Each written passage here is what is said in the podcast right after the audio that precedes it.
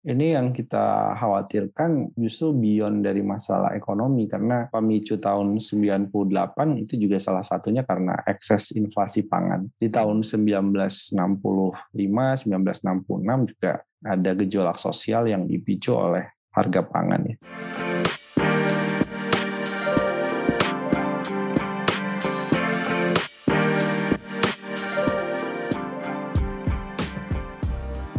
Hai sahabat TCID, kalian sedang mendengarkan podcast Suara Akademia. Ngobrol seru isu terkini bareng akademisi.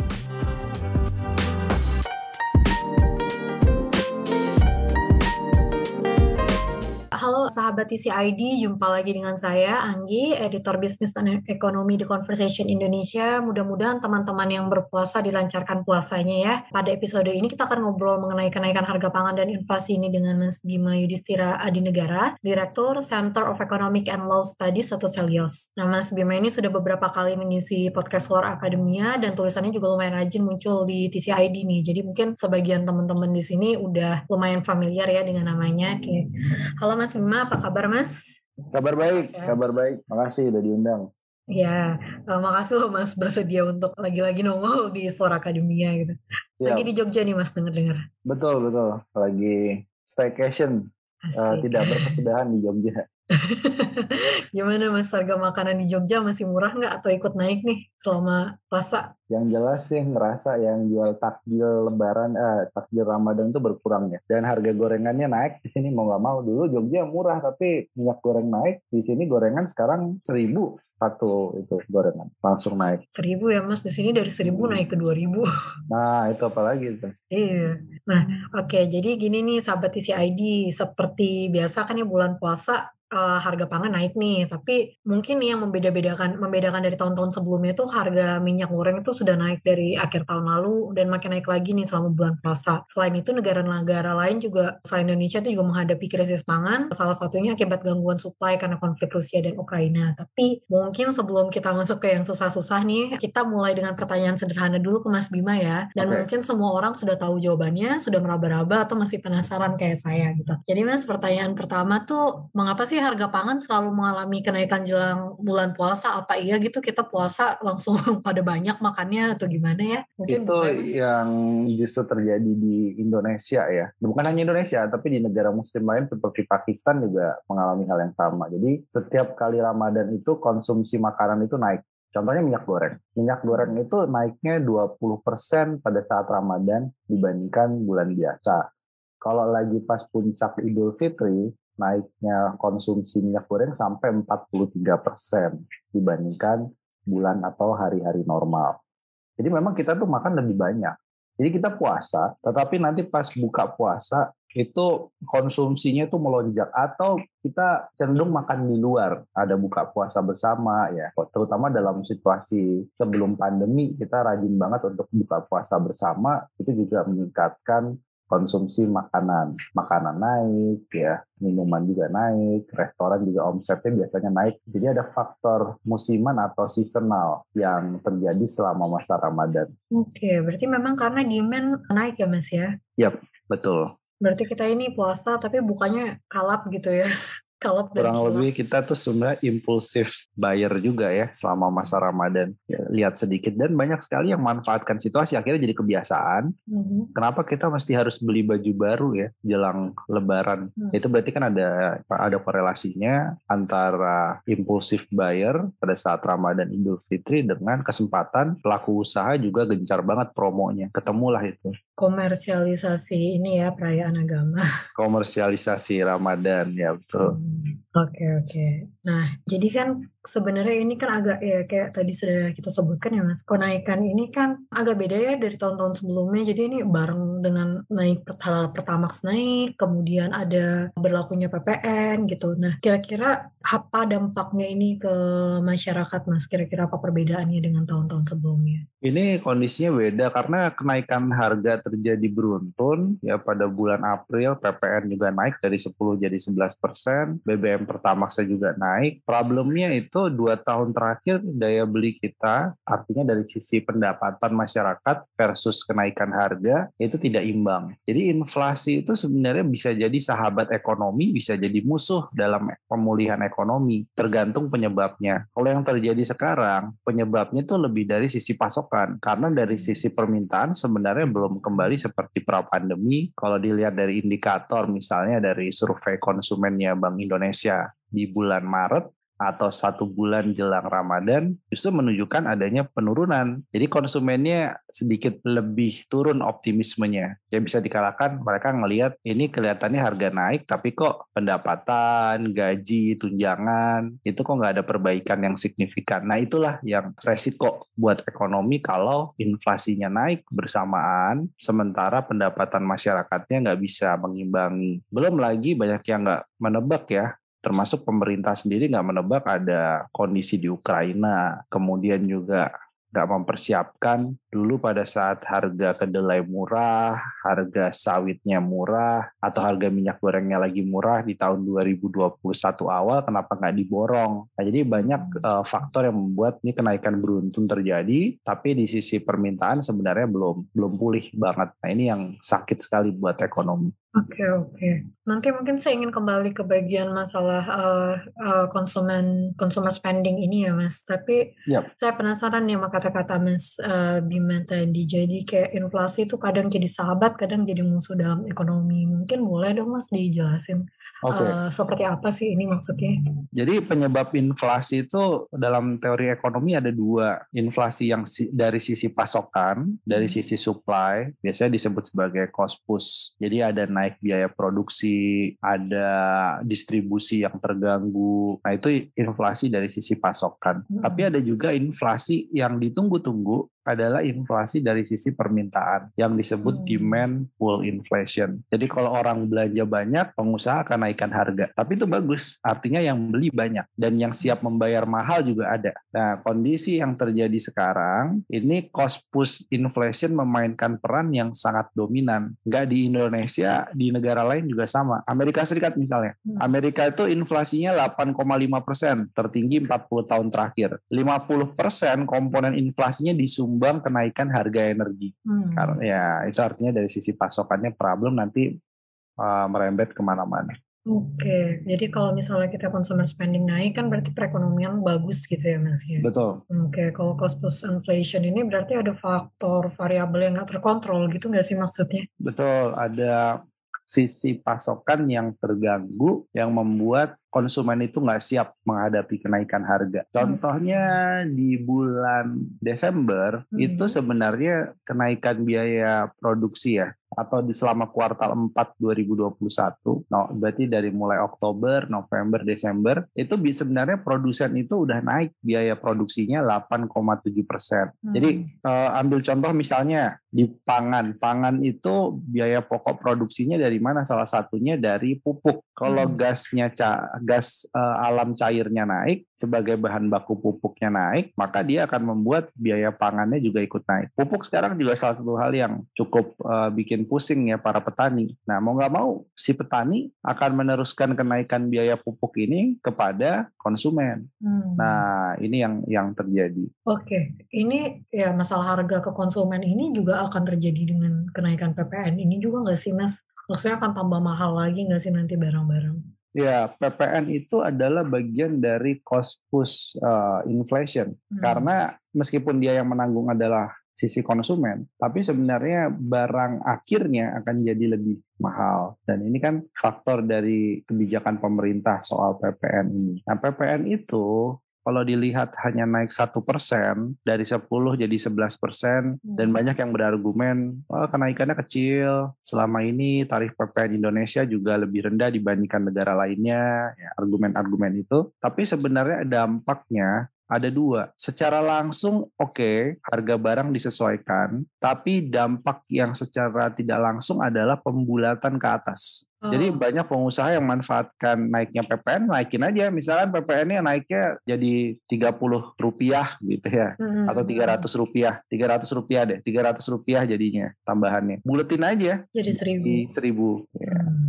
Jadi nggak mungkin dibulatkannya jadi 500, tapi langsung jadi 1000. Jadi naik ke atas pembulatannya. Itu terjadi kalau kita tanya ke para pedagang di supermarket, retail-retail, H-1 sebelum pemberlakuan PPN jadi 11%, label harga itu dinaikkan harganya ke atas. Dan bahkan yang lebih kacau lagi, PPN itu kan mengecualikan bahan kebutuhan pokok. Mm-mm. Jadi beras memang sampai sekarang tidak dikenakan tarif PPN 11%. Tapi minyak goreng, minyak goreng itu kebutuhan pokok. Tapi dia tetap kena PPN loh, karena dia masuk barang pengolahan. Nah ini lucunya di Indonesia nih, karena aturan teknisnya kurang jelas, sehingga minyak goreng itu dinaikkan. Udah harganya mahal, karena dianggap barang olahan, akhirnya dia kena PPN 11%. Nah itu yang akhirnya membuat dampak psikologisnya itu lebih besar daripada hanya kenaikan 1% secara real. Oke, ke itu kan ke minyak goreng gitu ya, Mas. Berarti kalau kayak gitu kan yang masuk ke refineries kayak gula gitu-gitu juga kena ya berarti, Mas. Kalau gula, nah ini, jadi eh, kesalahannya adalah undang-undang disahkannya PPN 11% itu Hmm. tidak diimbangi dengan peraturan teknis. Jadi menimbulkan kebingungan mana yang kena, mana yang dikecualikan. Pengusaha nggak mau rugi, kenain aja semuanya PPN. Hmm. Gitu. Jadi pada mengambil kesempatan dalam kesempitan ya. Ya pasti pengusaha nggak mau rugi, tapi karena Iya. pengusaha itu nggak mau rugi dan difasilitasi oleh peraturan yang belum jelas, itu pak Hmm. masalah. Oke oke, saya masih banyak pengen ngulik tentang ini tapi mungkin lanjut dulu. Ya. Eh, jadi kayak misalnya ya tadi itu kan penyebabnya itu beda-beda ya, ada masalah produksi, harga komoditas juga naik, pengaruh dari perang Rusia dan Ukraina. Nah dengan ini penyebabnya ada ada multifaktor seperti ini, jadi seharusnya bagaimana Mas pemerintah menyikapi hal ini? Apa dari Mas Bima ada masukan apa nih yang rekomendasi kebijakan seperti apa yang bisa dilakukan? Sebenarnya sekarang ini fokusnya adalah satu, kita harus stabilisasi harga energi dan harga pangan. Nah, spesifik untuk energi, sebenarnya pemerintah di tengah gonjang-ganjing harga komoditas tuh menerima pendapatan banyak sekali. Hmm. Bahkan statement terbaru dari Kementerian Keuangan ingin mengurangi utang karena pendapatan pajak dari batu bara, sawitnya itu sedang tinggi dan bagus sekali bagi penerimaan negara. Nah, problemnya adalah harusnya uang tadi yang disebut sebagai windfall atau durian runtuh dimasukkan ke dalam subsidi energi. Jadi harga pertalite, LPG 3 kilo, tarif dasar listrik jangan naik sampai akhir tahun. Jadi dari sisi cost push-nya masih bisa ditahan. Kemudian yang kedua, tentunya sekarang ini yang dibutuhkan adalah jaring pengaman sosial yang jauh lebih kuat. Karena kita Hmm. punya 115 juta kelas menengah yang rentan jatuh di bawah garis kemiskinan. Ini adalah kelas menengah yang nanggung nih. Dia kelas menengah iya, tapi berada di threshold. Dia sedikit kepleset harga minyak goreng naik, dia akan jatuh miskin. Nah, di sini eh, pemerintah sepertinya eh, buru-buru menarik atau roll over dari berbagai kebijakan perlindungan sosial pada saat pandemi kemarin. Contohnya bantuan subsidi upah kan nggak dilanjutin sempat. Nah sekarang baru buru-buru dilanjutkan ditambah. Meskipun uh, kita lihat ada komitmen untuk menambah itu, tapi anggarannya masih kurang untuk perlindungan sosial. Jadi harus ditambah lebih besar lagi. Dan uh, misalnya memberikan bantuan subsidi upah. Bantuan subsidi upah pertanyaannya adalah kenapa hanya kepada pekerja di sektor yang formal? Kalau masalahnya adalah datanya karena available tersedia di BPJS Ketenagakerjaan, ya tentu nggak fair para pekerja di sektor informal. Hmm. Yang informal ini buruh bangunan, tukang salon, kemudian juga tukang kebun, buruh tani bahkan. Mereka banyak yang kena dampak pandemi dan sekarang kena harga barang yang naik juga. Jadi Hmm. artinya pekerja informal pun tetap wajib mendapatkan perlindungan. Dan yang terakhir, uh, sarannya adalah kalaupun anggarannya kemudian menjadi terbatas dalam beberapa konteks misalnya menjadi terbatas, mau nggak mau harus ada yang dikalahkan untuk stabilisasi harga. Tunda dulu Hmm. misalnya pembangunan IKN, ada 400-an triliun proyek strategis nasional realokasi dulu. Jadi Hmm. memang harus ada yang dikalahkan untuk stabilisasi harga karena kita ingin uh, inflasinya jangan terlalu tinggi Hmm. Karena pemulihannya belum solid. Oke, okay. berarti kalau misalnya saya lihat dari um, jawaban Mas Bima barusan ini adalah ada masalah prioritas ya Mas di sini. Kita dapat windfall, tapi ke mana windfall ini diarahkan gitu? Apakah ke Betul. utang, ke IKN, atau harusnya ke permasalahan kenaikan harga-harga saat ini gitu? Nah, ini ini ini saya penasaran secara pribadi. Misalnya kita memilih untuk membayar utang, apakah itu tidak baik gitu, gitu Mas? Tidak lebih baik atau atau bagaimana? Maksudnya kita kan juga nggak tahu gimana dari sistem keamanan utang kita saat ini seperti apa gitu. Yang mana sih sebenarnya yang harus didahulukan gitu? Utang ya. Ada ada utang yang memang sebelumnya kita bayar cukup besar ya. Indonesia, pemerintah Indonesia membayar cukup besar pada saat pandemi itu ada tambahan beban utang sampai 2000 triliun. Kalau dibandingkan pra pandemi dengan tahun 2021, hmm. memang ada kenaikan utang baru 2000 triliun. Makanya utang pemerintah sekarang 7.000 triliun. Ada sebagian yang masuk kepada kesehatan. Ada yang masuknya memang kepada pembangunan infrastruktur yang diperlukan. Nah, hmm. tetapi ada juga utang yang diciptakan secara tempo berjalan gitu ya itu adalah utang dari pembangunan yang sebenarnya masyarakat belum terlalu butuh untuk saat ini. Hmm. Jadi memang kita seleksi, kita nggak bisa bilang semua infrastruktur seperti perbaikan jalan di kampung itu infrastruktur juga. Nggak bisa bilang kemudian hmm. itu di stop juga, nggak. Cuman hmm. ada beberapa infrastruktur yang mungkin kita terlalu banyak bandara internasional, kita mungkin belum terlalu urgent untuk punya jalan tol di beberapa wilayah yang dibutuhkan adalah jalan arteri yang diperluas. Atau kita hmm. bisa bilang tidak terlalu terlalu butuh misalnya bendungan yang kapasitasnya terlalu besar da, karena masalahnya bukan di situ. Nah, jadi harus diseleksi termasuk IKN juga dan anggaran tadi bisa di saving atau bisa disimpan untuk pembiayaan-pembiayaan yang lebih urgent seperti subsidi energi dan perlindungan sosial. Nah,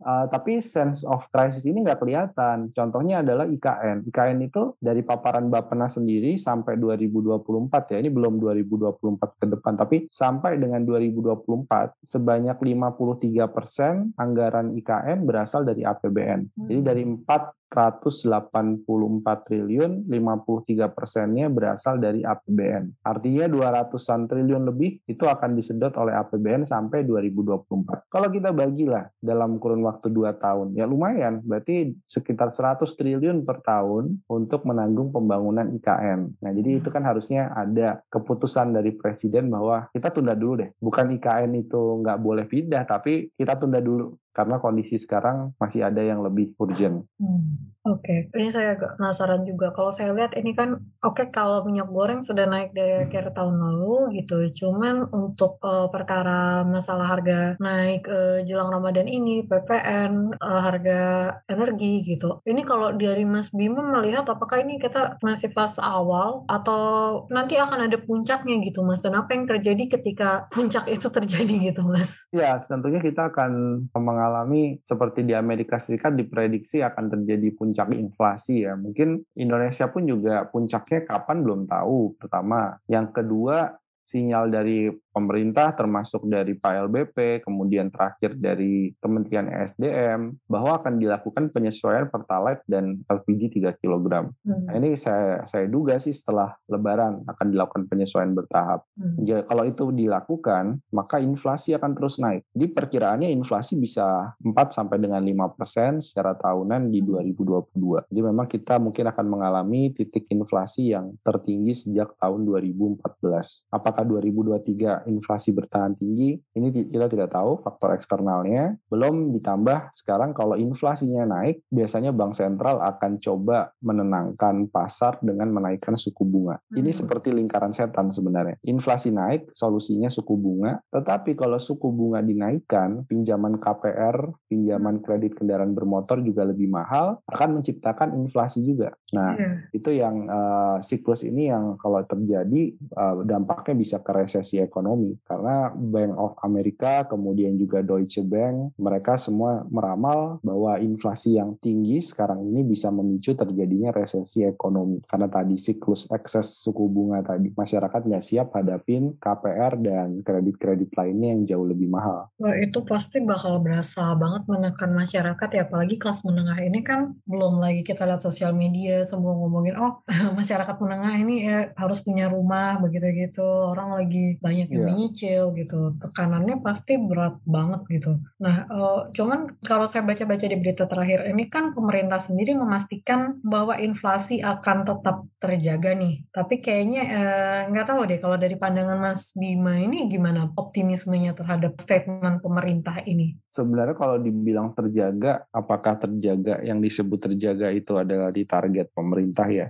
Berkisar tiga persen kan. Hmm. Saya kira nggak bisa kalau di level tiga persen hmm. karena dari sinyal pemerintah sendiri sebagian melepaskan kepada harga keekonomian seperti BBM jenis hmm. Pertamax misalnya kan itu kan salah satu bentuk bagaimana pemerintah menyerahkan kepada harga keekonomian. Hmm. Kemudian juga minyak goreng diserahkan kepada mekanisme pasar untuk yang jenis minyak goreng kemasan. Nah ini kan artinya kalau mekanisme pasar yang bekerja bukan dengan intervensi negara, maka harganya tentu akan jauh lebih tinggi. Jadi saya melihatnya bukan pesimis tapi lebih realistis. Sepertinya memang kenaikan harga barang ini tidak bisa hanya berhenti di level 3%. Ya, kita lihat nanti let's see pasca lebaran bagaimana pergerakan harga minyak mentah dunia juga dan bagaimana respon dari APBN. Apakah APBN-nya juga siap untuk menjadi tameng dari liarnya harga minyak mentah dunia? Oke, nah kalau misalnya katakan dengan kondisi begini, pemerintah mungkin katakan kayak uh, telat mengambil kebijakan atau mungkin kebijakan yang diambil tidak efektif seperti tadi atau ling lingkaran setan seperti itu. Apa yang akan terjadi ketika inflasi ini sulit untuk dikontrol, Mas? Mungkin bagaimana um, juga uh, yeah. dampaknya ke masyarakat bawah begitu? Micu bukan hanya konflik secara vertikal, tapi juga konflik juga secara horizontal ya, karena ngelihat orang misalnya naik mobil gitu kan, oh ini orang kaya gitu. Sementara yang lain ngantri pertalite. Itu kan ketimpangan yang terjadi bisa menyulut berbagai konflik di tengah masyarakat karena hmm. gapnya itu sangat jauh. Jadi kalau ada orang satu antri pertalite harganya 7.650 dan yang satu lagi antri uh, membeli BBM dari Pertamax ya Pertamax jenis Pertamax di 12.500 itu kan hampir dua kali lipatnya beli Pertalite. Jadi orang akan ngelihat ini ada orang kaya gitu. di sebelah sininya kita ngantri panjang untuk beli Pertalite nih orang nggak punya. Nah uh, saya khawatir itu ya. Jadi bisa memicu tensi di di masyarakat dan eksesnya sangat sangat besar kalau nggak bisa dikendalikan. Berarti ancaman terbesar itu ada di masalah konflik horizontal ya mas ya. Uh, ada kesenjangan ya. ya yang harus um, Betul. di ini pemerintah. Kok saya merasa sejauh ini saya merasa belum merasakan ada urgensi gitu dari pemerintah mengenai hal ini. Karena yang saya lihat ya itu masih uh, ada dinaikkan masih ada keinginan untuk meningkatkan apa pendapatan dari pajak. Misalnya ada rencana kan untuk bulan depan ada uh, pajak baru untuk uh, transaksi-transaksi digital gitu. Dari Mas Bima ngelihatnya gimana Mas? Ini udah ada sense of urgency nggak sih dari pemerintah? Dan sebenarnya kalau dari Mas Bima hmm. sendiri urgensi urgensinya seperti apa gitu sekarang? Iya, saya melihat yang sense urgensinya ada itu justru masyarakat dan hmm. pelaku usaha gitu ya. Hmm. Ya kita lihat tadi ya, kita bicara gorengan yang harganya disesuaikan. Kemudian banyak yang cari alternatif. Kalau nggak minyak goreng ya minyak kelapa. Banyak yang bikin minyak kelapa sendiri di rumah tangga. Jadi sense of crisis itu munculnya justru dari masyarakat, dari pelaku usaha yang terpaksa dengan keadaan melakukan banyak perubahan dalam gaya hidup misalnya. Tapi kalau dari sisi pemerintah, Problemnya adalah kita mendekati tahun politik 2024. Menteri-menteri di bagian ekonominya ini harusnya kan fokus dulu gitu ya. Nah sekarang enggak. Menteri-menteri di bagian ekonomi ini punya targeted election gitu untuk elektoral di 2024 karena mereka juga sebagai ketua umum partai itu problem menurut saya. Hmm. Itu problem. Jadi konflik kepentingannya cukup besar sehingga sekarang e, di mana-mana kita yang kita dengar bukan penjelasan kenapa minyak goreng itu mahal, mafia minyak goreng harusnya ditangkap ditangkap misalnya. Hmm. Tapi yang kita lihat itu masyarakat baliho besar gitu, uh, baliho untuk 2024. Nah jadi kita nggak bisa lepaskan bahwa masalahnya adalah pemerintah sendiri nggak fokus karena sekarang masing-masing sudah punya agenda. Termasuk soal tiga periode. Masa Menteri Ekonomi bicara soal penundaan pemilu kan apa ya? Ada faktor yang nggak mendesak sama sekali untuk bicara soal itu karena yang harusnya dia bicarakan adalah inflasi, bantuan sosial, hmm lebih tepat sasaran gimana, kemudian juga bagaimana meredam efek ini, jangan sampai terlalu lama. Itu yang saya khawatirkan tuh begitu. Jadi ada yang dukung tiga periode, ada yang menolak presiden tiga periode, itu ada yang konsolidasi dirinya mau jadi capres 2024. Ini menurut saya jadi nggak kerja semua nih. Jadi yang ditakutkan tuh bukan tiga periodenya. Yang ditakutkan adalah pada nggak fokus kerja karena punya agenda politik masing-masing. Padahal menteri sentral di bagian ekonomi pusing juga ya mas masalah harga pangan dan kebutuhan masyarakat ini jadi bahan politik juga pada akhirnya gitu ya maksudnya yeah. sekompleks itu gitu loh Oke, okay, kalau misalnya saya lihat kan tadi dari obrolan sama Mas Bima, dari Mas Bima ini kan masukannya buat pemerintah itu kan menentukan kembali prioritas, menyalurkan windfall ini ke arah yang tepat mungkin seperti ke bantuan sosial begitu ya. Nah, kalau misalnya untuk dari sisi masyarakat sendiri gimana Mas? Kalau pemerintah nggak ada sense of urgency-nya seperti ini, apa yang bisa masyarakat lakukan untuk sementara ini? Karena hmm. kita tadi ngomongin kepercayaan diri konsumen juga lagi rendah nih kan. Jadi seperti apa ya Mas? Saya sih punya tiga saran ya buat hmm. siapa pun ya masyarakat. Yang pertama adalah tentunya ya harus menurunkan gaya hidup, hmm. harus menunda bahkan pembelian atau konsumsi barang-barang yang sifatnya sekunder dan tersier. Ini memang mungkin agak kurang enak, tapi kalau mudiknya misalnya lima hari, dia izin ke kampung halaman lima hari buat jalan-jalan, mungkin mudiknya bisa hanya dua hari atau tiga hari. Jadi memang harus ada penghematan. Yang biasanya selama Ramadan, Lebaran,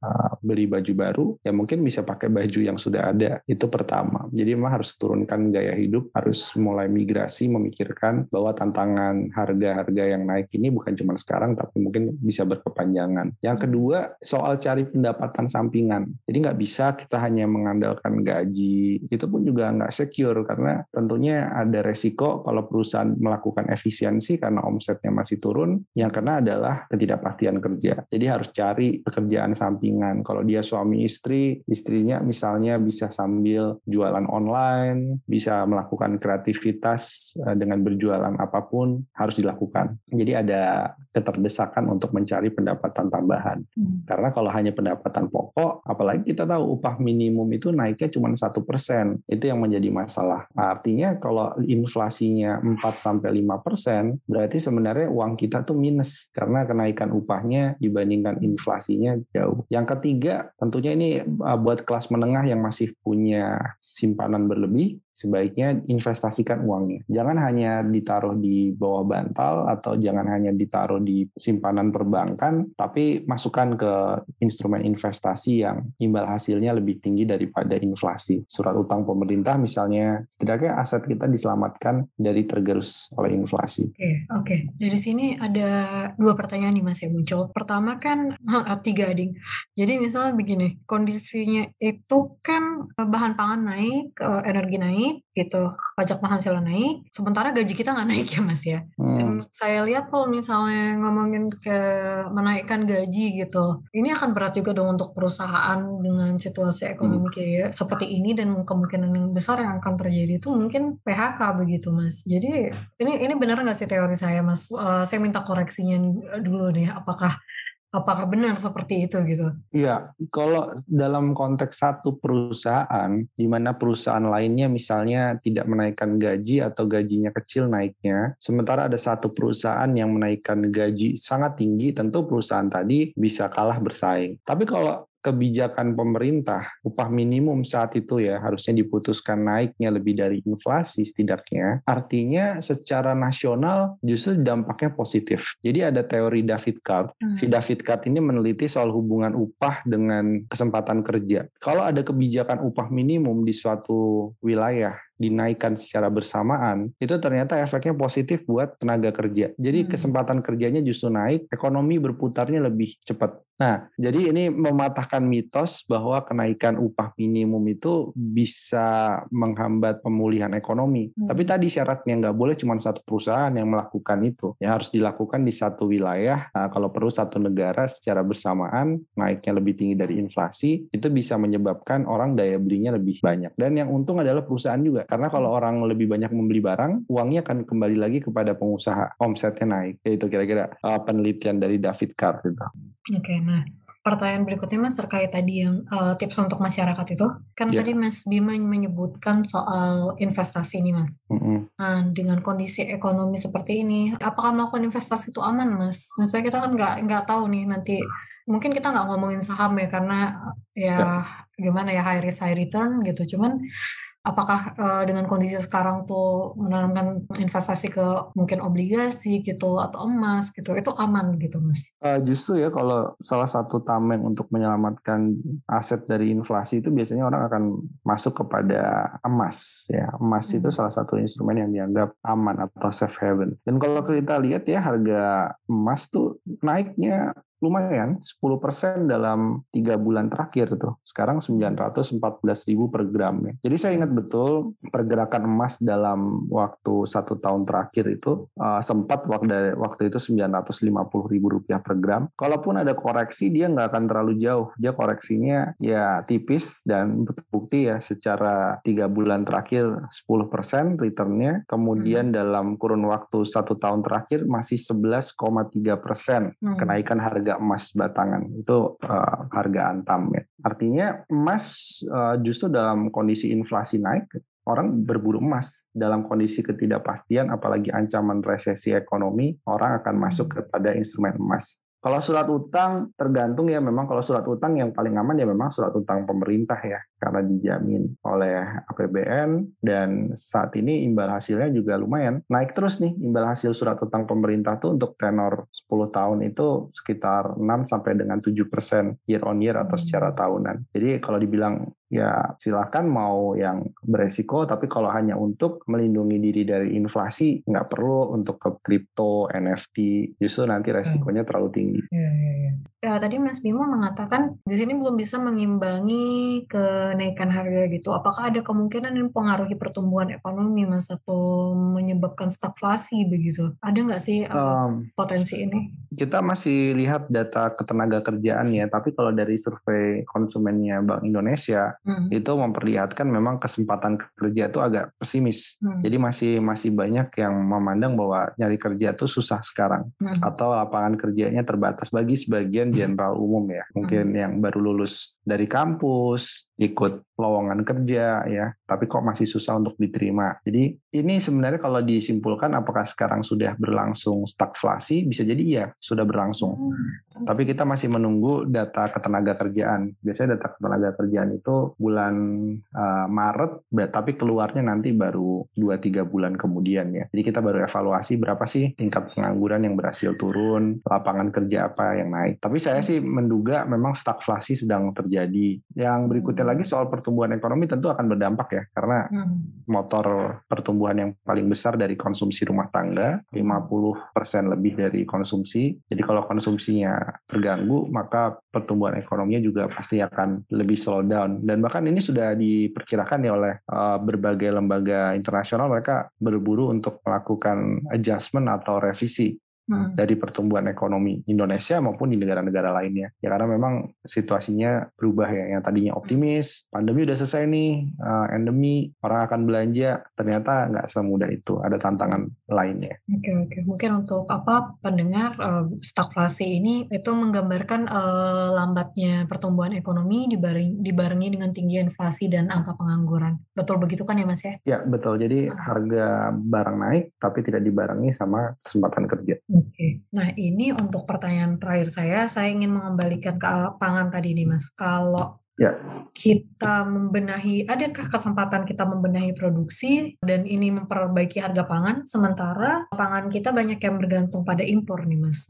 Harga uh, daging sapi nih yang lagi naik, bawang putih nih yang lagi naik, ini semua kan impor ya mas. Kira-kira ini ada potensi nggak sih memperbaiki dari sisi hulu gitu? Sebenarnya untuk perbaikan pangan tentu secara paralel harus dan wajib dilakukan, tapi itu semua sebagian besar adalah langkah jangka menengah dan panjang. Hmm Karena kalau kita bicara, uh, ambil contoh gandum misalnya. Gandum itu 100% kita impor. Dan semakin banyak kelas menengah yang konsumsi mie instan, ya pasti ketergantungan gandumnya akan sangat besar. Nah sekarang substitusinya apa yang siap dari gandum itu? Itu yang harus dipikirkan pemerintah. Hmm. Jadi bagaimana substitusi tadi bisa sama titik produksinya, sama terserap di pasarnya dengan gandum. Sehingga ada kebijakan memang mengurangi ketergantungan gandum secara signifikan. Kedelai pun sama. Kalau kedelai, yang saya agak bingung itu adalah dengan kenaikan harga kedelai impor, tetapi kedelai lokal ini produksinya terus menurun nih sampai 2024. Jadi konsisten hmm. terus alami penurunan. Nah ini kan berarti artinya dari dalam negeri sendiri berarti butuh adanya subsidi pupuk, kemudian ada reforma agraria yang lahannya harusnya dimanfaatkan untuk kedelai misalnya, kemudian juga ada kebijakan untuk regenerasi petani. Karena kalau kita bicara jangka menengah panjang, sekarang gini aja, berapa banyak anak muda yang mau masuk ke sektor pertanian ya? Bukan hanya di startup pertaniannya, tapi betul-betul memang on farm gitu ya di di lahan pertanian pertaniannya, menggarap hmm. ladang pertanian berapa banyak gitu. Dan itu jadi hmm. salah satu hal yang jangka panjang kita harus benahi. Itu baru dari sisi on farmnya. Nah, hmm. dari sisi off farm artinya mulai masuk ke level distribusi, konsumsi. Di distribusi kita tuh sekarang ini tata kelolanya banyak masalah. Rantai pasoknya terlalu panjang. Kalau rantai pasoknya terlalu panjang, berarti tiap titik distribusi dia ngambil margin. Hmm. dan kalau digabungkan marginnya sampai ke level konsumen tentu besar. Seperti minyak goreng. Minyak goreng itu lebih dari 15 sampai 17 persen margin yang dinikmati oleh distributor. Hmm. jadi harga yang kita terima itu sudah naik sebenarnya kan? Hmm. jadi dari produsennya naik sampai distributor naik apalagi di level konsumen. Berarti kita harus pangkas tuh rantai distribusi itu. Nggak terlalu banyak pemain di median atau di tengah. Jadi harus lebih banyak pemain yang langsung memasukkan barang datang kepada konsumen akhir. Hmm. Uh, begitu juga soal tata kelola. Ya sekarang ini ibarat telur dan ayam. Kenapa telur dan ayam? Ini masalahnya adalah orang mau produksi, tapi kalau orang mau produksi dia lagi panen dihujani oleh impor yang dibuka secara lebar, siapa juga yang mau menanam kedelai misalnya. Nah tapi di sisi yang lain kalau misalnya impornya kemudian dikurangi secara signifikan, secara mendadak, tentunya akan mengakibatkan kelangkaan pasokan di pasar. Hmm. Jadi ini nih pengaturan ini. Jadi jadi enak ke petani tapi juga nggak mengganggu konsumen. Nah selama ini dilema ini yang yang selalu uh, dihadapi oleh pemerintah. Tapi yang jelas negara apa pun sekarang ini fokus untuk lebih mengarah kepada internal dia inward looking untuk hmm. swasembada pangannya. Jadi kita harus juga melakukan hal yang sama. Oke mas, ini nggak kerasa saya ngobrol sampai lewat waktu nih sebenarnya. Ya, Jadi apa -apa. mungkin mungkin um, uh, boleh saya recap dulu ya mas ya.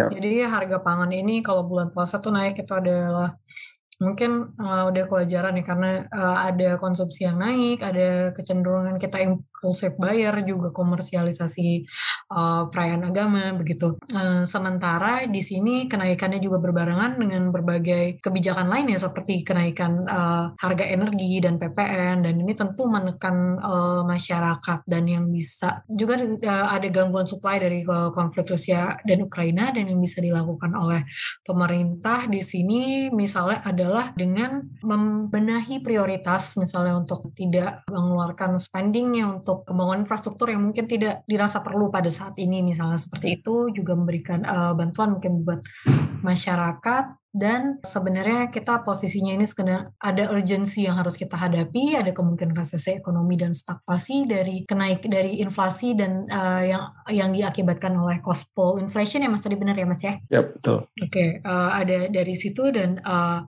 di sini masyarakat bisa mempertimbangkan untuk investasi, untuk mempertimbangkan pengeluaran sekunder atau tersier dan untuk uh, untuk memperbaiki UMR serta memperbaiki dari sisi perbaikan pangan dari sisi hulu dan distribusi distribusi begitu ya Mas Bima ya. Kira-kira ya, mau ditambahin betul. Mas? Uh, cukup lah.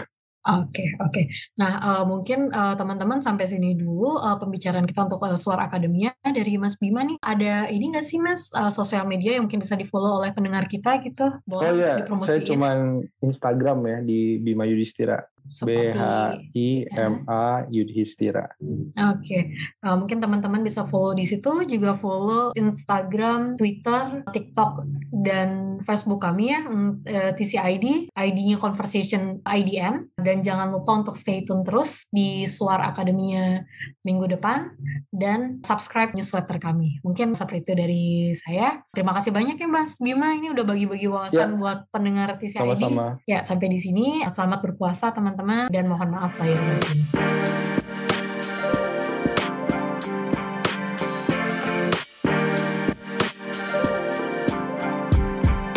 Kalian telah mendengarkan podcast Suara Akademia, ngobrol seru isu terkini bareng akademisi.